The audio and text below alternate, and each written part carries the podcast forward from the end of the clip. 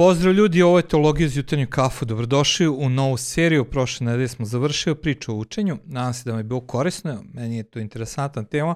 Možda više filozofska nego, um, kako da kažem, teološka, ali jako značajna. Jer ako ne učimo, ne možemo da napredujemo. A sada ćemo krenuti da učimo o istoriji ljudskog roda i razmotrit ćemo šta to sveto pismo govori o istoriji, najviše onome što dolazi, ali i onome što se dogodilo. Znači, postoji jedna nit svetog pisma koje ćemo ispratiti u današnjem i u sledećim, sledećim ovim uh, teologijom uz jutarnji kafu. Pa eto, krećemo, vidimo se uskoro, posle intra.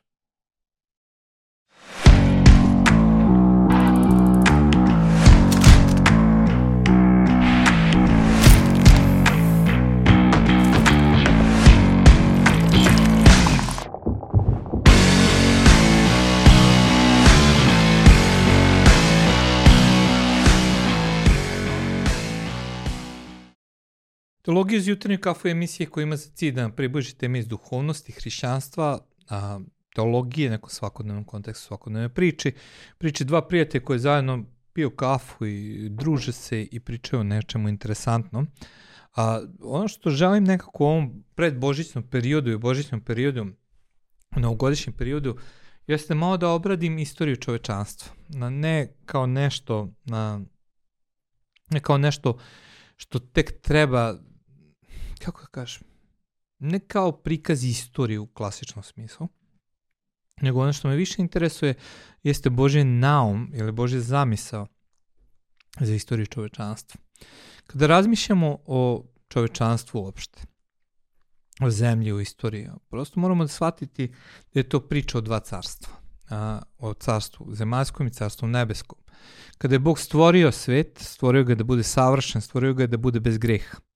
I tada je postao samo jedno carstvo, a to je bilo carstvo nebesko. Carstvo nebesko je bilo ovde na zemlji, Adam i Eva su borevali sa Bogom i bili u direktnom kontaktu i njihovi potomci, ja verujem da su već tada imali potomke.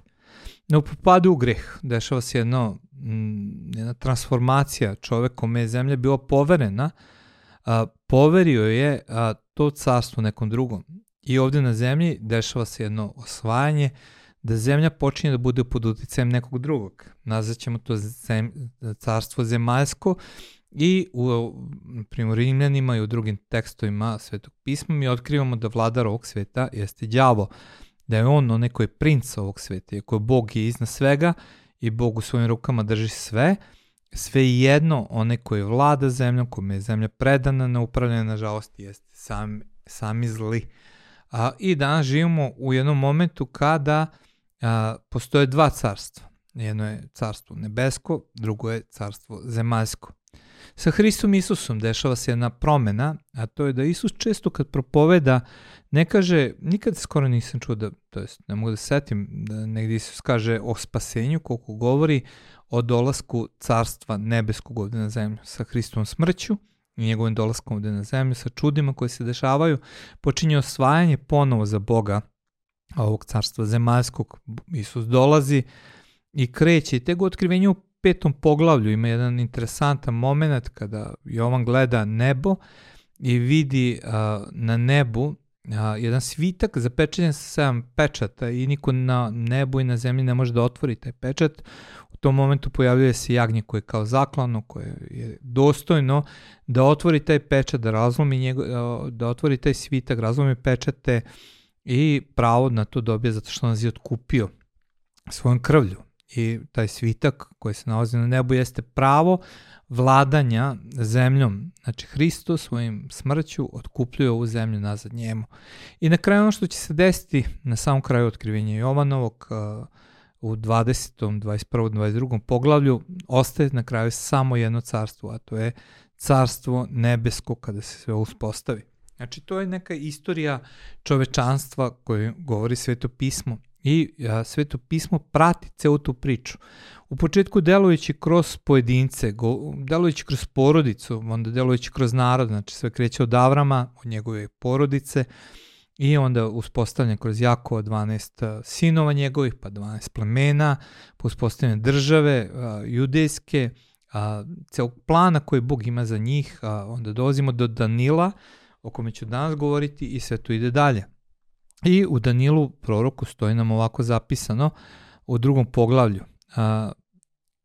Car Navuhodonosor, car Babilonskog carstva, o kome danas neću govoriti, malo više ću govoriti sledeće nedelje o njemu, ima san koji niko ne može da protumači. I kaže ovako u 37. stihu, ti si care, car na carovima, Bog neba dao je ti je carstvo, vlast i moć i slavu. Tebi je u ruke predao ljude, zveri i ptice i gde god da žive, to je učinjeno on te učinio vladarem nad njima, ti si glavo od zlata. Znači, radi se o tome da car vidi jedan kip koji ima glavu od zlata, grudi a, su mu od srebra, bokovi da, tako dalje su mu je od bronze, noge su mu od gvožđa, da bi na kraju sama stopala bila mešavina gvožđa i gline. U taj kip, u njegovu podnožje udara jedna, jedna, kako da kažem, kugla koja rušica u ovu strukturu. Kaže ovako, ti si glavo zlata, posle tebe će doći drugo carstvo slabije od tvoga, zatim treće bronzano koje će vladati nad celom zemljom. Četvrto carstvo biće jako kao gvožđe koje se sve mrvi i lomi i kao što gvožđe sve lomi, tako će ono lomiti i stvoriti sva druga carstva. Ovome ću govoriti sledeće nedelje kroz jednu drugu sliku.